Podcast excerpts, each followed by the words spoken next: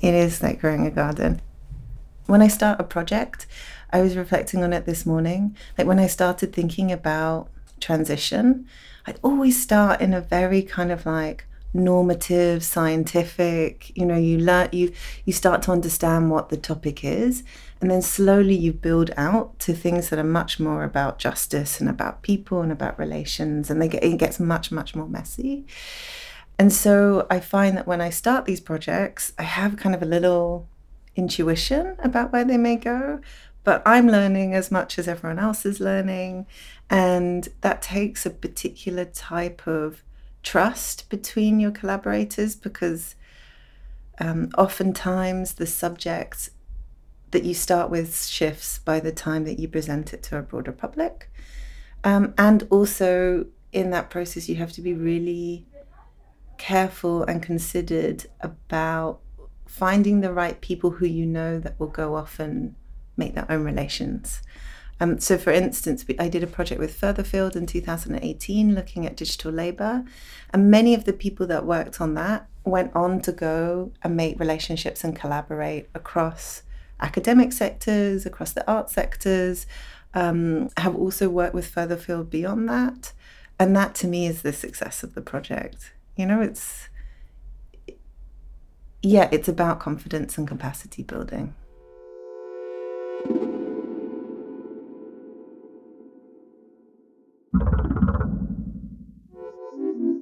Dani Admiss is an independent curator, researcher, and educator who spent part of her childhood in Dubai before emigrating to the UK and settling in Edinburgh. These biographical circumstances have influenced the forms of her projects, which are situated at the intersection of art, design, technology, and cultural practice, and in a constant search for a sense of belonging, explore infrastructures and relationality.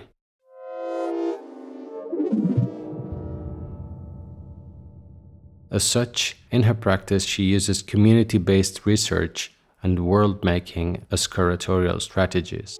Her processes always turn to listening, building networks, collaboration, distributed learning, and the desire to slow down. Her project Sunlight doesn't need a pipeline, emerged in response to the simple and complex question How can I be useful? The answer, by creating a decarbonization plan for the gallery, gradually took the form of a conversation of many voices involving various communities in an exercise in social justice and collective learning to rethink the processes of the art world in times of climate emergency.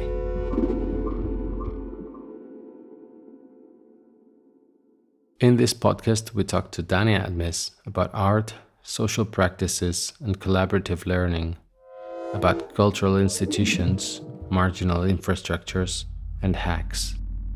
We go into climate justice, just transition, and the need to learn more about the profound injustices embedded in social and environmental systems. We also talk about the history of toxicity, about petroculture, and about the desire to build a mutual trust and collective agency.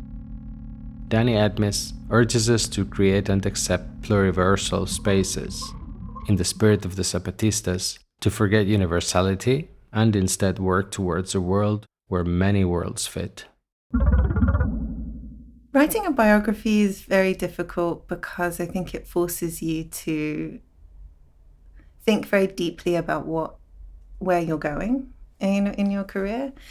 And I think, um, you know, in my 20s and early 30s, I was very much like, oh, my life or my career seems to be incredibly disparate and varied. Um, and I couldn't really figure out what the commonality was. And as I've got older and more comfortable um, in doing my work and maybe less preoccupied with trying to fit into a particular space, I've found that actually the thing that draws everything together is trying to find a sense of belonging. I'm a child of uh, an English woman and an Assyrian Iranian father, and I grew up in um, the United Arab Emirates in Dubai. Um, Uh, my father is Catholic, not Muslim. Um, so, uh, also when I came to England, I um, grew up in very sort of working class uh, situation.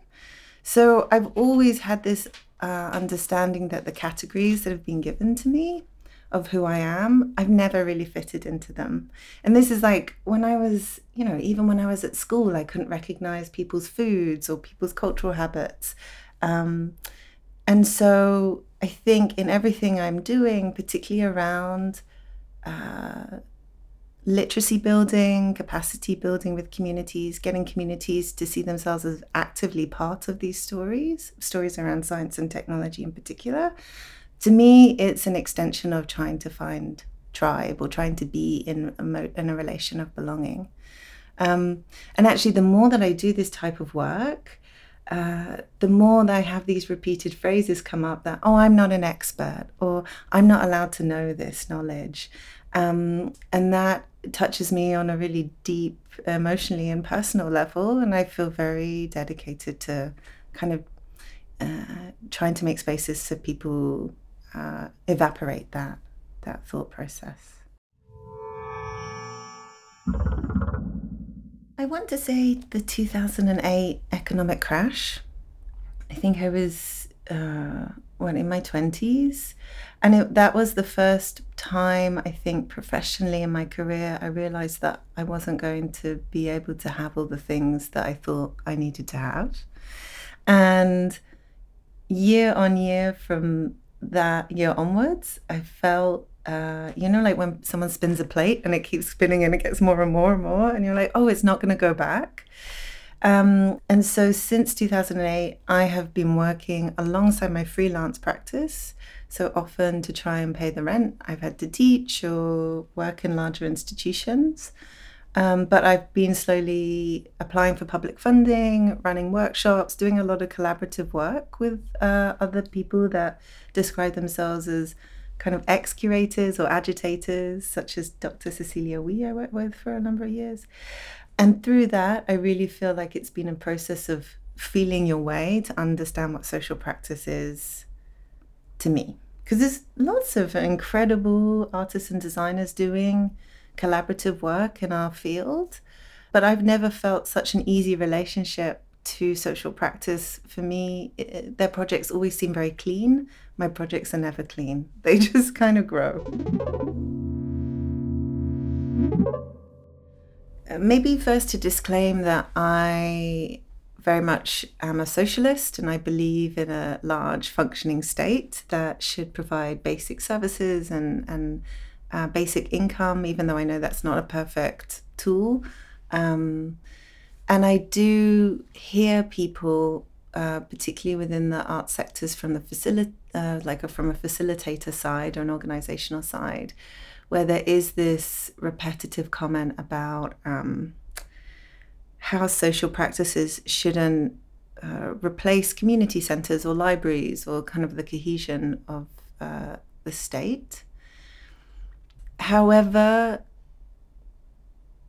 for instance, in this Sunlight project, uh, I invited Cecilia Wee to do um, one of the commissions looking around what she and they um, considered to be uh, an important element to think about when thinking about just transition. And Cecilia uh, created this project called Our Community Inheritance, and she worked with the Grenfell. I was think I was saying yesterday. She worked with the Grenfell Health uh, and Wellbeing Service that was set up by the NHS, and you know that's a very different type of community working than uh, many other types of collaborative or community based uh, art projects because they are a community.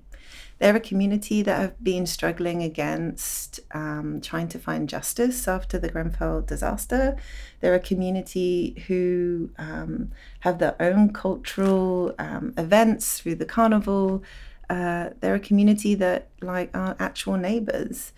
So for me, I don't feel like actually art was trying to replace any service there that actually we were learning so much from them and uh, it's a process of listening to what they wanted uh, what are their desires and needs And I almost see in that instance art as a, maybe a form of, um, and I say this with a lot of hesitation, but with uh, almost like a therapeutic practice because it was a different way to find communication. Uh, both across like very two different spaces, you know, a community that lives in West London and a sort of um, professional fine art, quote unquote, white space, uh, but also um, a way to talk about the trauma and survivability in the interim. When we talk about ecology, we talk about transition or toxicity, it always does feel very elsewhere, you know? And um, I'm actually, you know, many people are trying to survive right now and live through that right now. So to me, that was very uh, an eye opening way to think about collaborative and social practices let's not be so arrogant to think that we're replacing the state. I only work in a particular area of social practice, really. I'm only really interested in the literacy building or story building side of it. Um, so I only ever tend to use co creation, peer to peer learning, uh, a method that I've sort of developed over time called community led research um, and collaborative learning. And that comes back to what I was saying earlier about belonging. Uh, and I think there's a number of things that you know this started for me during the during my PhD actually, um, where I kind of started to realize about the curatorial figure and the curatorial context as one of a gatekeeper, um, and actually that I was complicit in creating borders as opposed to bringing people together. Uh, and I was very interested in how to decenter a lot of our knowledge production and cultural production. So that's kind of why I particularly am interested in uh, uh, things like co-creation. And, and I put I put little four notes this morning here. One because uh, being alive is not passive. Being alive is an active thing. And I feel like we're all constantly learning. So we should be active learners. I completely understand the argument that, you know, and oftentimes in this project, many people were like, I don't care about the environment. Like, I don't care about environmental disaster. Like, I need to pay the rent, particularly in the UK. Like, I live in Scotland. Uh, the living crisis and the energy crisis is going to is a fatal is a fatal event for many, you know. Um, but I still think that there is something in active learning and taking part. Um, number two, I think all type of education is social. It's about meaning making. You see this in the in the art sector that even in the 15, 20 years that I've worked in it, everyone seems to be doing very similar projects now. You know, like uh, it, I don't know if that's the where my positionality to everything has changed, but I feel that there is less diversity of topics. Um, and I'm kind of really interested in, you know, how do these topics show up in our real lives, in our real communities? Um, a really amazing moment in the project was when we spoke to health activist um, and a scholar of neuroscientist Araceli Camargo, who works at the Centric Lab. And uh, she was explaining that uh, they did a number of interviews asking how the climate emergency shows up in people's lives across trans communities and communities of color. Um, and uh, someone turned up and explained that you know, the way that the climate emergency turns up in their lives is that uh, the climatic conditions have changed so much that the bus timetable is different for them. So when they finish work after a shift at the bar, um, they have to walk home at night for longer hours, or if I'm making myself clear. And so that puts them in more of a vulnerable position, that raises their anxiety. Um, and to me, that is as meaningful uh, a piece of knowledge or a piece of meaning about what the climate emergency is and how we must transition, particularly from a climate justice perspective, right, where we're thinking about people and planet, than than a conversation about uh, something else that's much more to do with biodiversity. And I'm not trying to make hierarchies here. I'm just trying to show that um, it's not an ideology to learn from other people. I think actually it's really, really important to try and integrate these knowledges. Um, and that's incredibly difficult to do curatorially in a meaningful way. And I've failed so often. but but I keep really wanting to try. Um, and also, I mean, I mentioned it yesterday again, but I, I just think it's so important, you know, like about communication, that we have these common terms like toxicity, ecology, solidarity, work, but everyone comes from such different uh, experiences with value systems that often we don't have the same meaning, shared meaning around these things. And I find it very unsettling, particularly, you know, in our little bubble where most of us are on the left, but there's so much uh, divisiveness.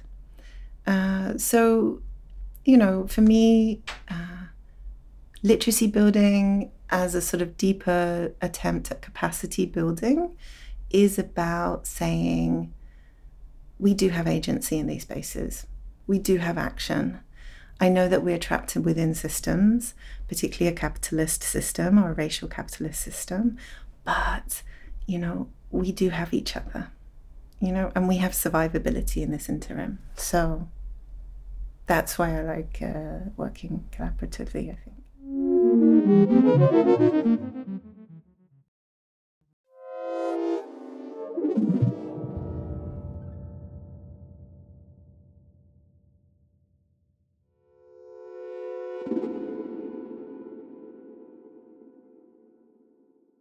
First, I think it's important to say that I have solidarity with um, people of color and their communities and indigenous communities who choose to refuse these spaces of hatred and violence. And I also have solidarity in the fact that um, around no platforming and and and not having to do that labor, you know, that emotional labor, which is so difficult. Um, but I really do welcome also at the same time a conversation about how to how to have multiple spaces or how to think across divides. Um, and it's something that I honestly need to go away and think about and learn a bit more about. Um, a lot of thinkers are talking about diversity of spaces or pluriversal spaces, and I really um, loved what uh, was said yesterday around. Uh, actually, we're not a polyvocal space; we're like a fractal space. Um, I think Marisol de la Cadena calls it uh, uh, not a fractiverse, but an uncommons. Uh, that actually people are on the same side, but within that they have uh, like chasms between their ideologies and their identities. Um, and I feel that we're all failing if we don't uh, create platforms for uncommons. Um,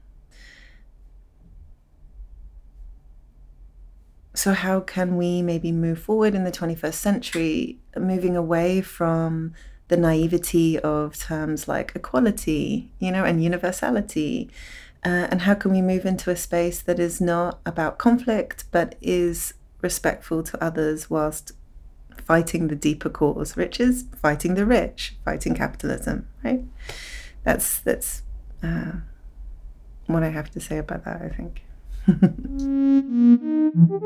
so Marisol de la Cadena and I think Mario Blaser wrote a book called um, The Pluriversal, Pluriversal Worlds, uh, it's an edited book where they brought together lots of different voices to unpack the idea of the pluriversal, which I think uh, is best described by the Zapatistas collective when they say uh, the pluriversal is a world of many worlds, right? There's many different ways of being, there's many different ways of thinking, and that's not just um, something to be relegated down to worldviews or beliefs, it's an ontological. Um, it's an ontological thing, right? Um, a really good example is how Uh, often, if you're an Indigenous person from Australia and you talk about Dreamtime, often within the cultural sector, when people have shown their paintings, they've relegated their notion, um, Aboriginal understanding of time as something to do with a belief system, as opposed to a way of being, right, as an ontological worldview.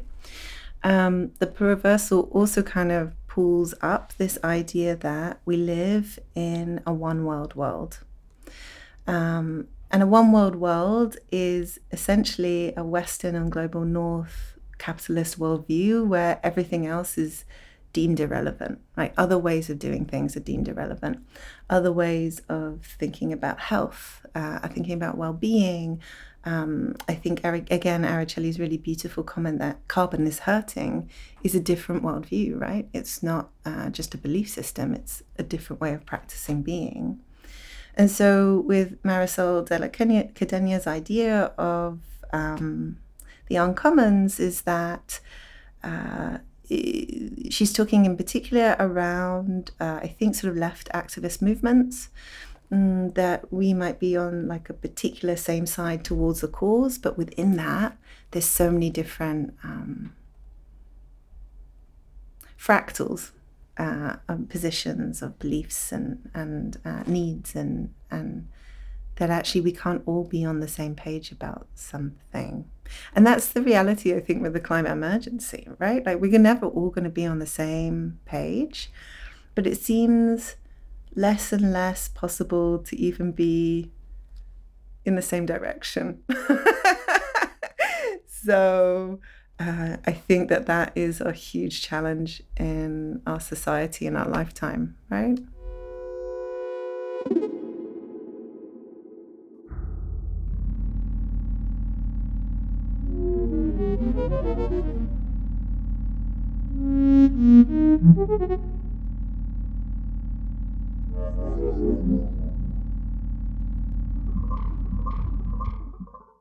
Sunlight doesn't need a pipeline. Um, the title actually comes from something I picked up in the ether when reading a lot about um, the XL pipeline protests um, from indigenous communities in um, the United States of America who are fighting uh, governments and corporations that are destroying their water supplies and laying oil pipelines through their land. Um, and it's interesting, isn't it, how relevant certain words keep being. Pipelines as one of them, uh, of obviously in the news a lot with Ukraine, um, and how pipeline is becomes a metaphor for infrastructure. But another way to say infrastructure is uh, shared need, right? Like so um, I see sunlight as both uh, necessary for survival, but also a metaphor for creativity. Um,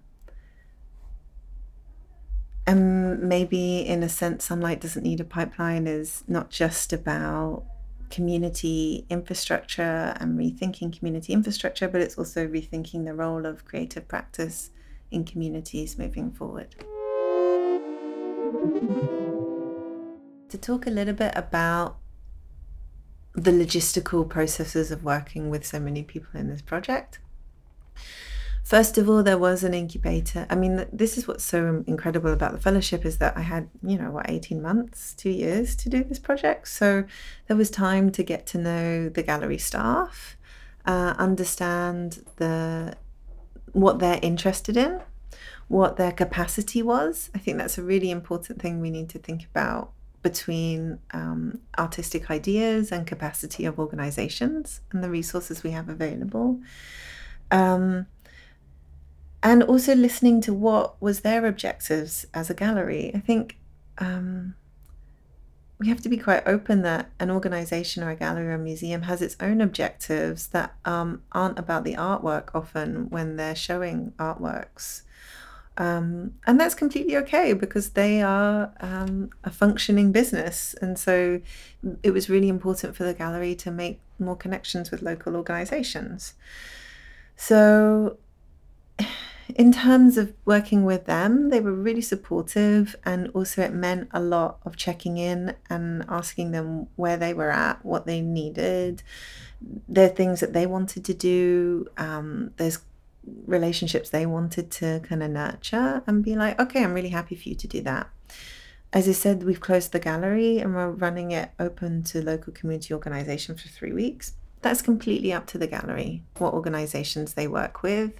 We found a number of really interesting people that are connected in the Kingston area who do a lot of that grassroots work. So uh, we paid them and invited them in to help us like approach more people. So now the gallery has a, like a deeper relationship with a number of organizations. In terms of um, then me being this uh, sort of central node that then goes and invites lots of other people. Um,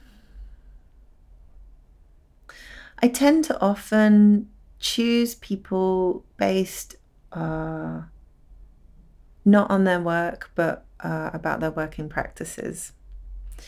Um, I also love to rework with people and sort of mentor them through their career. I often try to work with people that are starting out or um, don't really see themselves as artists but do art on the side.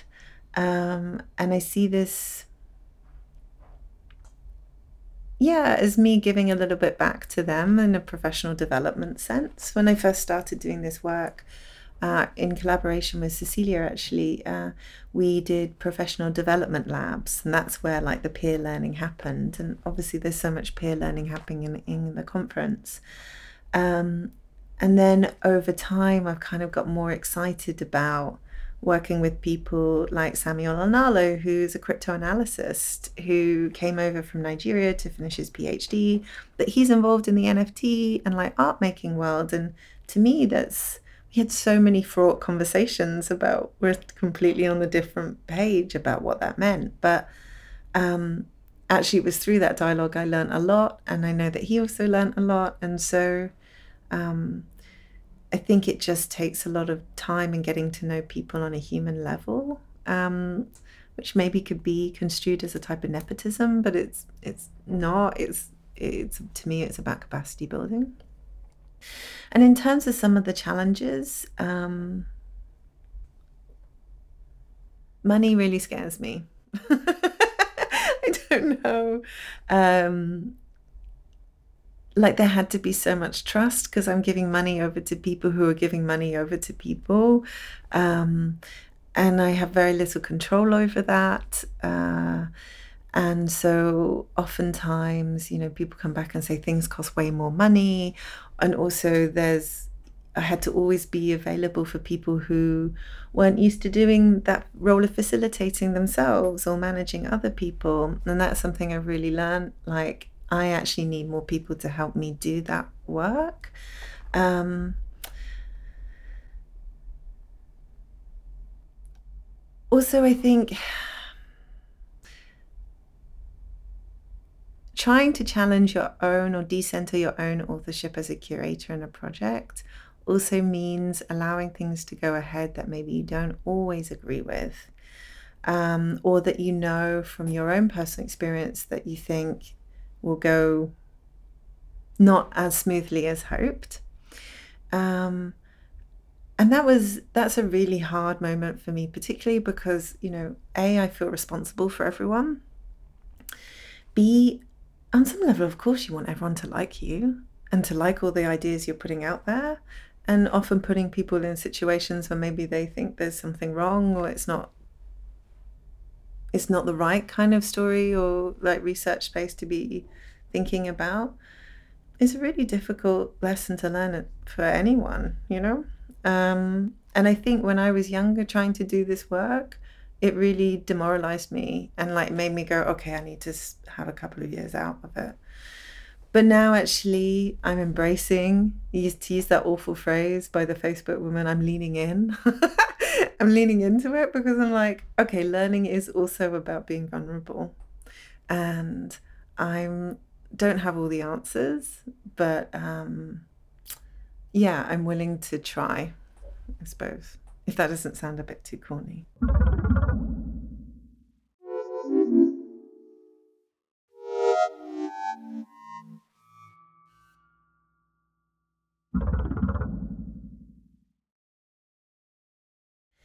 I spent many years trying to get to know myself. And I think now I'm like, what, 40?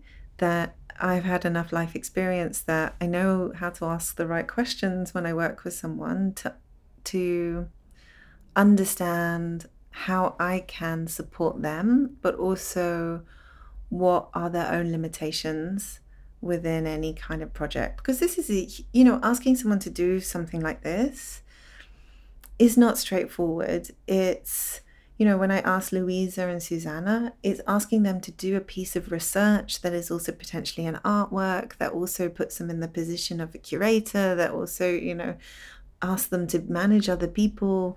Um, so, you know, it t- takes a lot of dialogue um, and also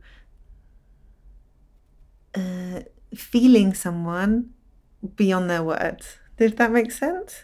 Um, understanding what are their motivations for being part of this project? What did they want to get out of it?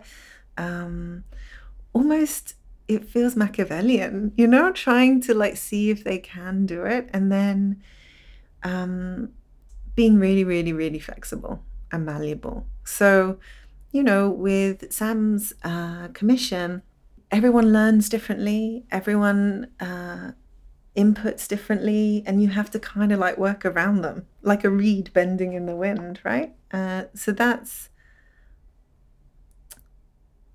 Uh, I give them trust, but also it's I also have to kind of do all the wraparound stuff. Um, and about the money, a lot of it was negotiation. Uh, it's a lot of it is saying, well, this is how much I would pay using the guidelines for, um, you know, in, in, in England, you have artists' union guidelines. Um, they're different in Scotland, which is an interesting point because Scotland's a poorer part. Well, it's deemed poorer uh, than England, but um, because I was doing the project in England, I would use those guidelines. I, you know, it takes a lot of thinking. Uh, is a visualization, right? Like you visualize how many hours you expect someone to do in terms of admin, in terms of production, in terms of delivery. And actually, I found that quite a maternal, caring, not to make it gendered, but you know, it's about really kind of imagining what this work is for them. Then I kind of go to them, this is how much I think we should pay you. Can you have a think about how much you're worth? and then that became a negotiation and it's about making feel pe- people feel very safe and that you can say whatever you want. Um, i'm really interested for you to come back and say more and like and why. And to me again that's just part of a professional development for other people and myself. Um, i would never have done that. I've never done that in fact. I've never asked for more money than i've been offered. So yeah, when it, to me, uh, every element of this project is about capacity building, inside and out, if that makes sense. What I've learned is that we are in an art ecosystem that I don't know if it's so prevalent in Europe, but in the UK, there are so many people that have dedicated their lives to working in the uh, marginal infrastructures of um, arts management who have these this wild practice around like Angel, uh, Angelica like looking into these organizational structures and tools and hacking them from the inside. And actually how empowering that is. So a lot of the work that um, a lot of these ideas come from these wonderful people that have been doing this work. Um, also the project itself is there's so many artists doing climate justice in different circles. So um, it's been a real pleasure to engage more deeply with these other ecosystems and um, try to weave them together a little bit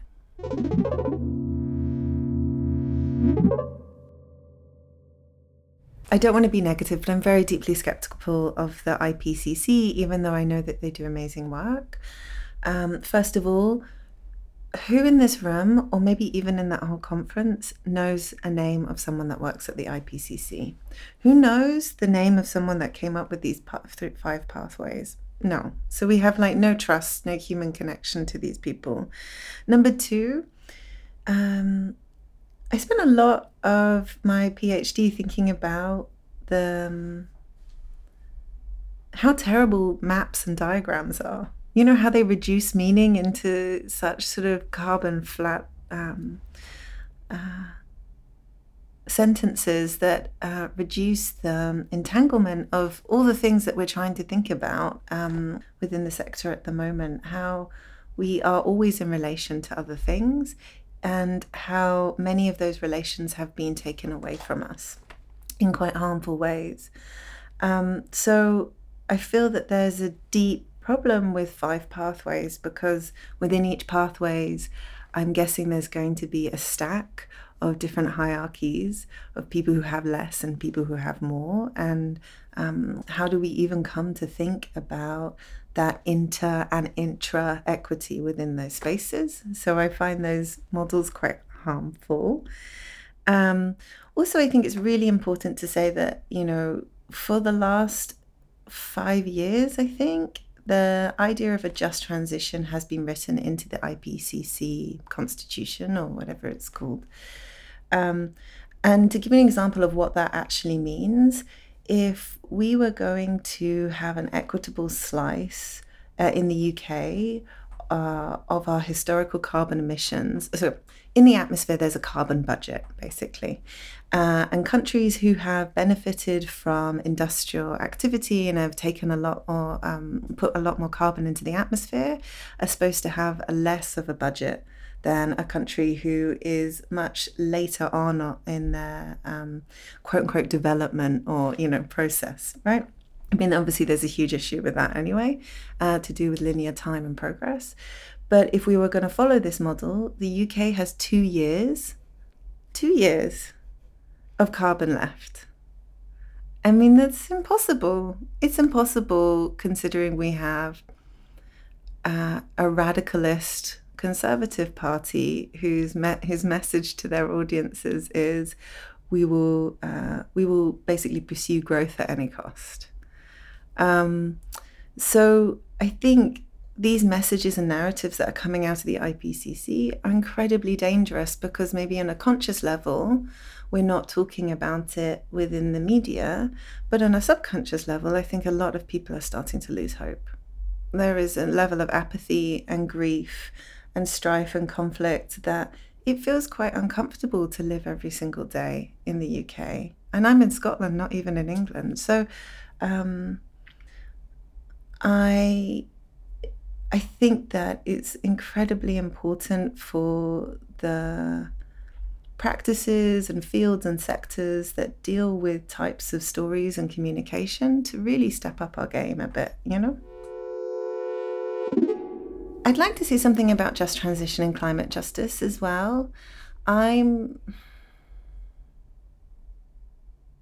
I'm going to talk now, and I we might need to edit out what I'm going to say, but I feel like we're friends, so I'm going to tell you my honest opinion. I have a lot of respect for the conference we're at um, and the organisation, but I felt very uh, scared to come, uh, particularly after doing this project and talking about my, our project in relation to what uh, the narratives that are going on here, because I feel very much that there is um, a subtext of there's nothing that we can do. Um, there's a lot of saying, okay, these things are happening, it's terrible, um, but there's very little engagement with uh, action and agency. Um, and I find that quite difficult in such a privileged space. Um, and so basically when I when I was given the fellowship at Stanley Picker Gallery between Stanley Picker Gallery and Kingston University, I you know it was in the middle of 2020, just uh, during the first uh, or end of the first wave of uh, the COVID pandemic, uh, and I realized really quickly on in that process, I started looking at toxicity uh, that so many, everyone I knew was t- touched in a way, um, not only touched, they were uh, affected, you know, and affected for the whole of their lives. Um, my partner uh, uh, changed his whole career and became is becoming a drama therapist because many people in his circle committed suicide uh, out of loneliness and isolation. So there's not just the health aspect in terms of physical health, but there's a huge mental health uh, crisis that we that we're living through. So I made this decision that I need to ask a different question. I need to be less extractive. Um, and so asking what is useful took me on this journey towards uh, a really quite simple question, which I was very proud that I thought it was simple. it was how do you decarbonize a gallery? Like, actually, we're talking about this, but how do you actually do it? Um, and it has become an incredibly complex uh, endeavor. Also, I feel wildly arrogant at times being able to ask this question. Uh, I think it's really important to say that there is no solution. That's what I really love about Mary Maggic's uh, work is that they bring us into an aesthetic place where we start to realize that it's not about fixing. It's about getting into different relations and understanding of what's around us. So, uh, I ended up sort of in this process of decarbonisation, starting to look at things like carbon reporting, um, uh, thinking about uh, how capital and economy fixes into it, and then uh, realizing that this is a really white and privileged space. So, moving more towards the ideas of climate justice and just transition. So, climate justice, as I said yesterday, is uh, basically about people and planet. Um, there's a lot of really interesting um, work going on, uh, such uh, like uh, by Harpreet Kaur Paul, who um, has set up a climate reparations uh, uh, campaign, thinking about, you know, the hostile environment policy and the social housing issue in the UK, as much as sort of demanding that we stop using petrocultural oil. So, climate justice is really about trying to articulate the connections between deeper injustices that cross social and environmental divides. Um, and interestingly, just transition comes out of uh, a story of toxicity. So, uh, originally, uh, there was an environmental activist, Tony Mazzocchi, in uh, the United States of America, North America, and he created a Superfund site. Well, he was trying to create uh, a fund for workers who um, were working around chemical waste because he realized that not only them, but also their families were really impacted. And so it was always at the heart about social and economic injustice for them. Uh, and so just transition, you know, in its strictest sense, is about protecting workers. Um, and during the Festival of Sunlight, we showed a film, an incredible short documentary uh, directed by Hazel Falck and also commissioned by Platform in London, which is an arts and activist organisation who, for many, many years, has been working around oil and um, uh, the environment. And this documentary, Offshore, it uh, tracks the lives of a number of oil rig workers who work in the North Sea, so both in Scotland and sort of the northeast coast, like Newcastle and Sunderland. And it shows us how difficult their lives are at the moment because um, the petrocultural industry is shrinking. So they're getting a lot less money for their really quite highly skilled jobs. So they're really losing out. And at the same time, it is fiscally um, uh, they are unable to transition into renewable energy doing the same sort of job, even though there's very uh, transferable skills, because there's no governmental help. There's no help for them to do that. And I feel like showing a documentary like that in terms of thinking about transition and how to move away from a low high carbon to a low carbon or kind of maybe just a different uh, way of being right is super important because um, we're all workers, right? And also in the UK, I would say we're all basically consumers as well. Um, so uh, it's really important, I think, to try and have solidarity for people in industries that uh, are really othered and demonized for good reason. But, you know, again, it just shows the complexity of the issue that we really need to start thinking about.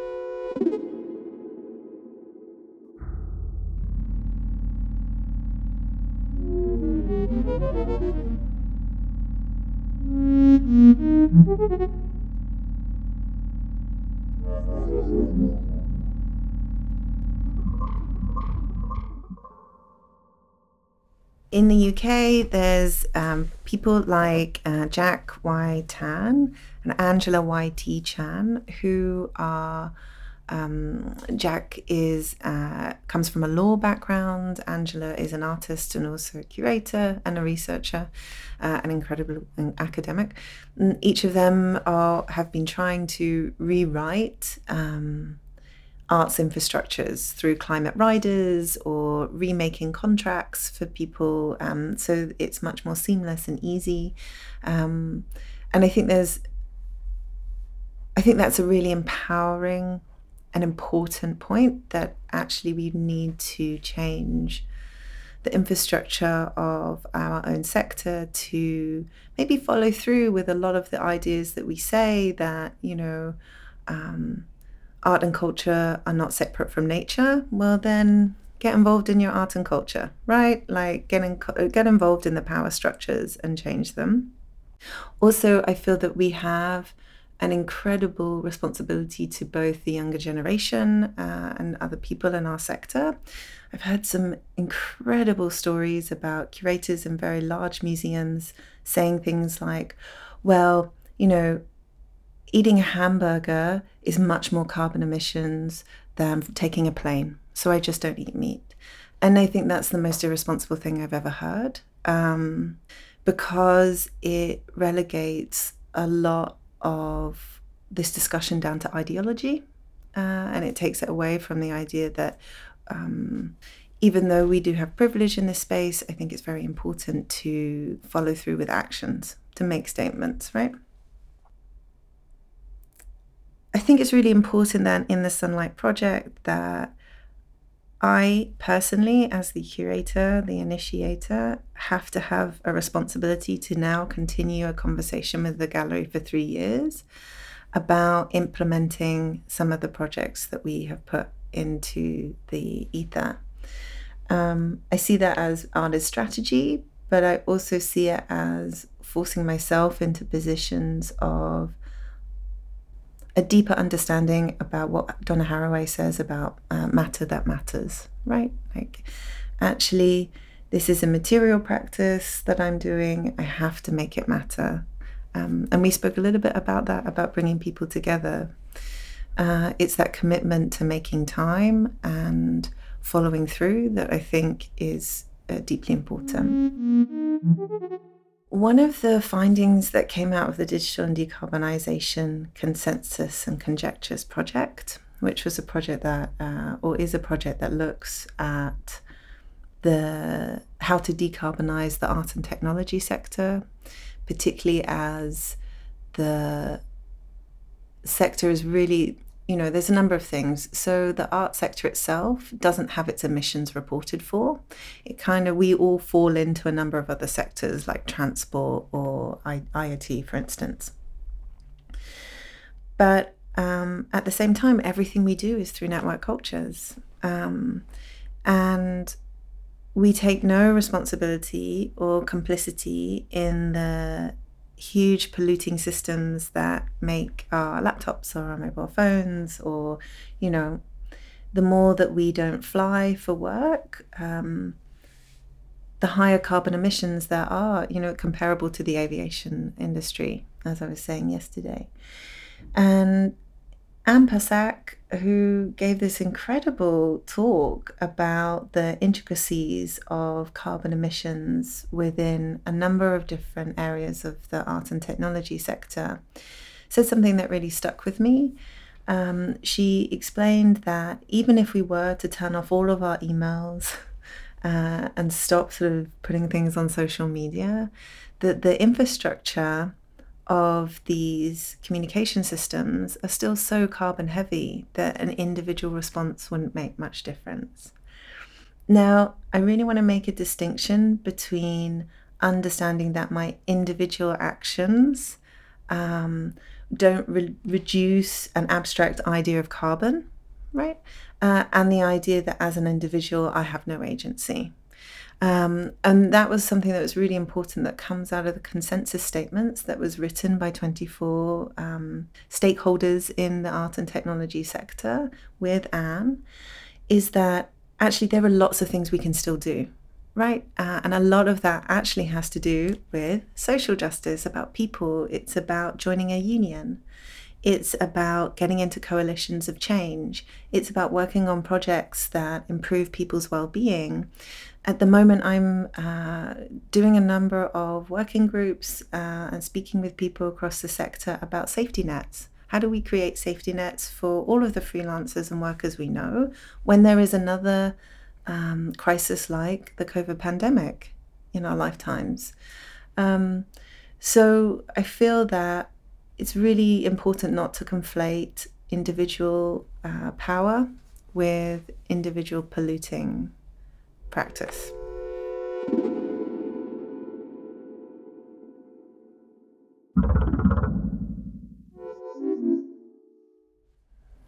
I'm a big fan of Tania Bruguera's Arte Util.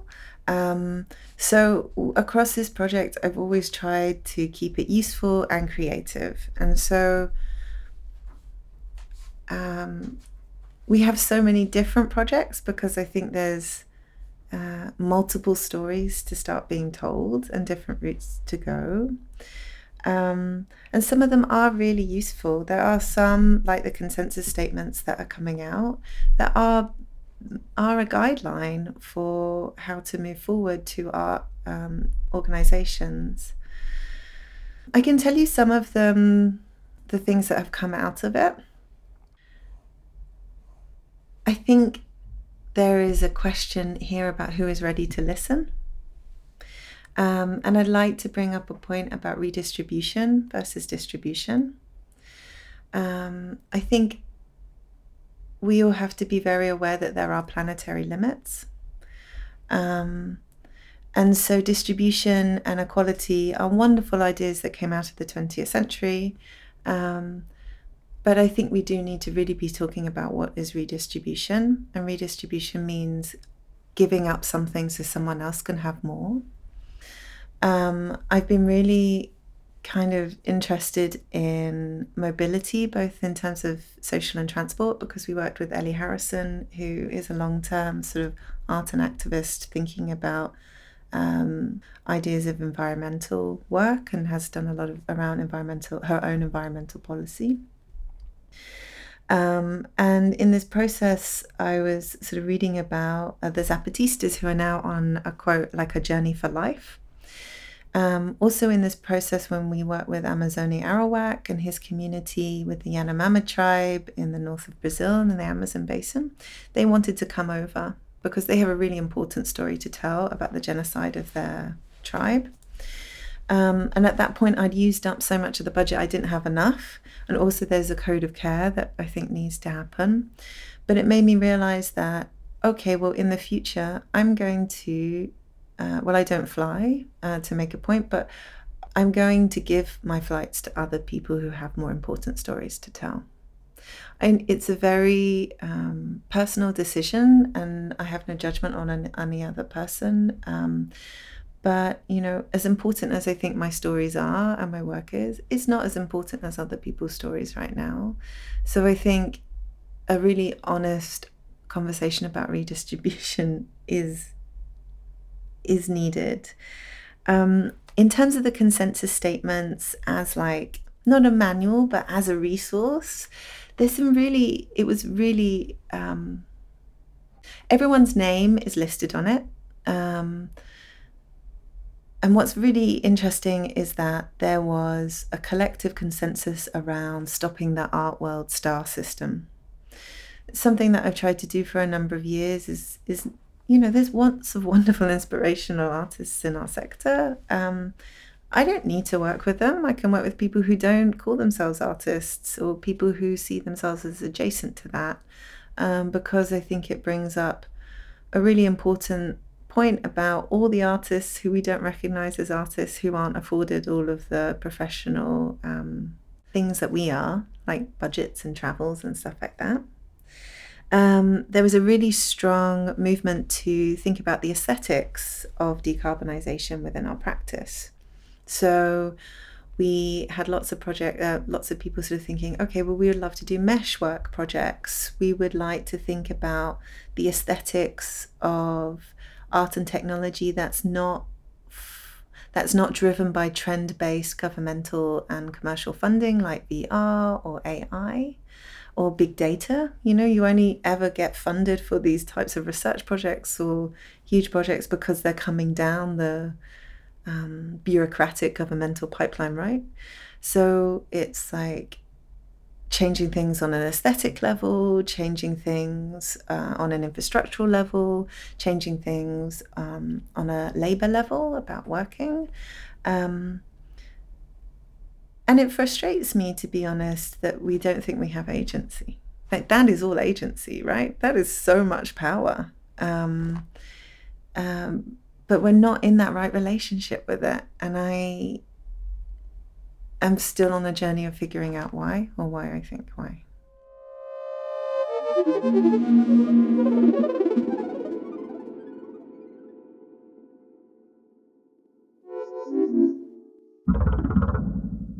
I think the the question of how to be useful uh, also has its flaws, right? So I went to the gallery. How can I be useful? And then they told me something I didn't really want to do.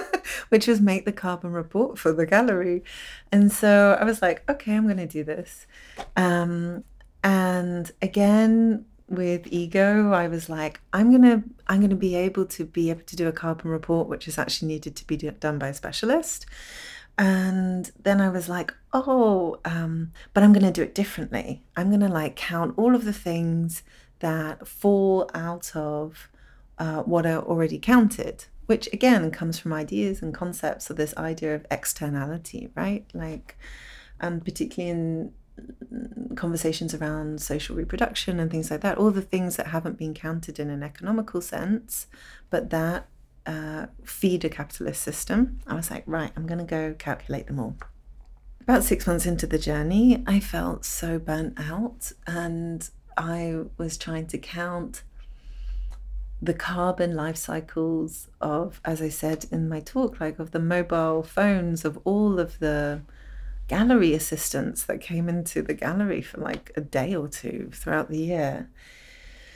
And I realized, okay, at the same time, I'm having these really beautifully um, considered conversations with Louisa Prado and Susanna Haslam about. Um, the capacity for other ways of doing art, um, of being in relation to environment, about the scope of what we mean when we say decarbonization and toxicity.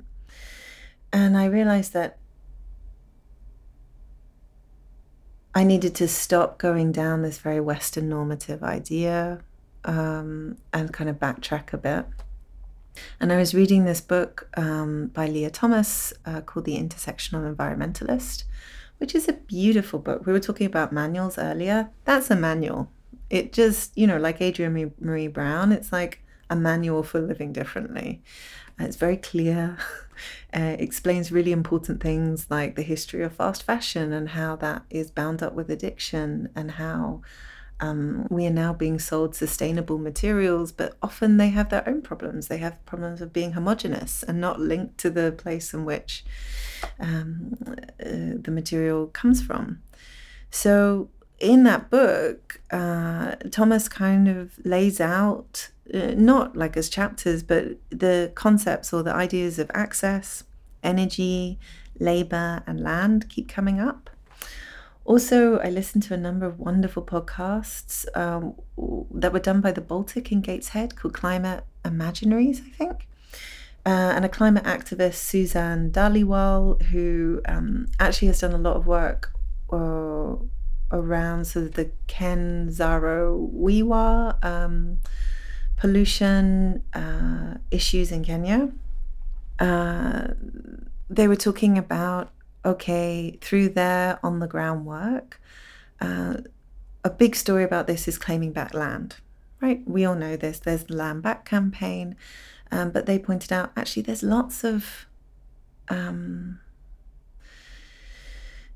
actually, lots of people are trying to reclaim their relationships to their own history, which really resonated with me, obviously. Um, but also claim relations to their own labor, um, claim relations to their own energy production, Um, and at the same time, uh, Chanel Adams was writing this incredible essay called The Right to Rest in, in Peace, where she is uh, essentially calling the institutions, uh, colonial institutions of museums of art and natural history, for uh, stealing um, natural objects, uh, but also human remains, and uh, through technologies of preservation, uh, holding capture the sacred realms of life and death. So we also spoke a lot about what it was to reclaim decay or give uh, museums to give themselves back to the orchards, uh, which is Adams's phrase, um, working on Octavia Butler's uh, words. And so this carbon map is born, um, and it just has the, it's essentially a Venn diagram of land, labor, access, and energy. And we placed all of the 10 projects, commissions in there so to show that they all kind of deal with an issue that in one of these overlapping spaces or two or more. And when I started the project, I've had like a, a little secret wish when I started the Sunlight Project that I wanted to start uh, a Green New Deal, but for artists, right? Um, across borders rethinking what it, displacement is, rethinking what community and solidarity is, um, and thinking about our well, you know, I'm going to talk in terms of me, not anyone else, but what is my responsibility to an artist in Lebanon who I just interviewed who was made homeless after the port explosion? You know, what is my responsibility to that community? Because I'm benefiting, right, by being by interviewing them. Um, and so I see this carbon map as something that I'm going to try and give to the Arts Council, right, instead of the carbon report for the gallery. Um, but also, maybe it's my own uh, roadmap for trying to move this project into a more sustainable place um, that might go on to help others in different ways.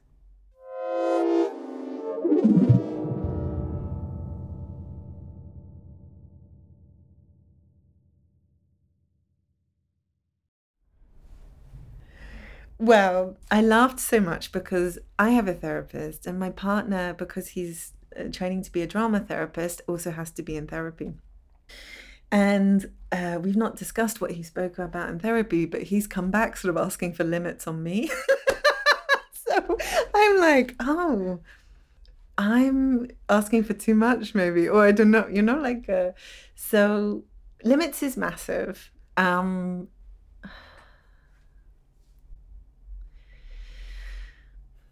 I think if I was to do this project again, I would put more limits on myself. Um, I think it was good that I did it the way I did it because I made the decision at the time. But um, I think I just need to slow down and realize that mm, planetary limits are not just. I mean, that's another thing, right? When we talk about st- narratives of science and technology because they're so abstract we just don't think that they apply to us. You know like i uh, conceive that there are planetary limits but i don't do it to myself. So i put myself in a position of burnout right? Or um, so i really just value listening and learning from all the sort of pioneering people that like uh, people of color that are doing the black sleep movement or like resting movement you know and learning from all of those different perspectives and listening and translating them into my own stuff like uh, i suppose i just have a lot of work to do on myself next year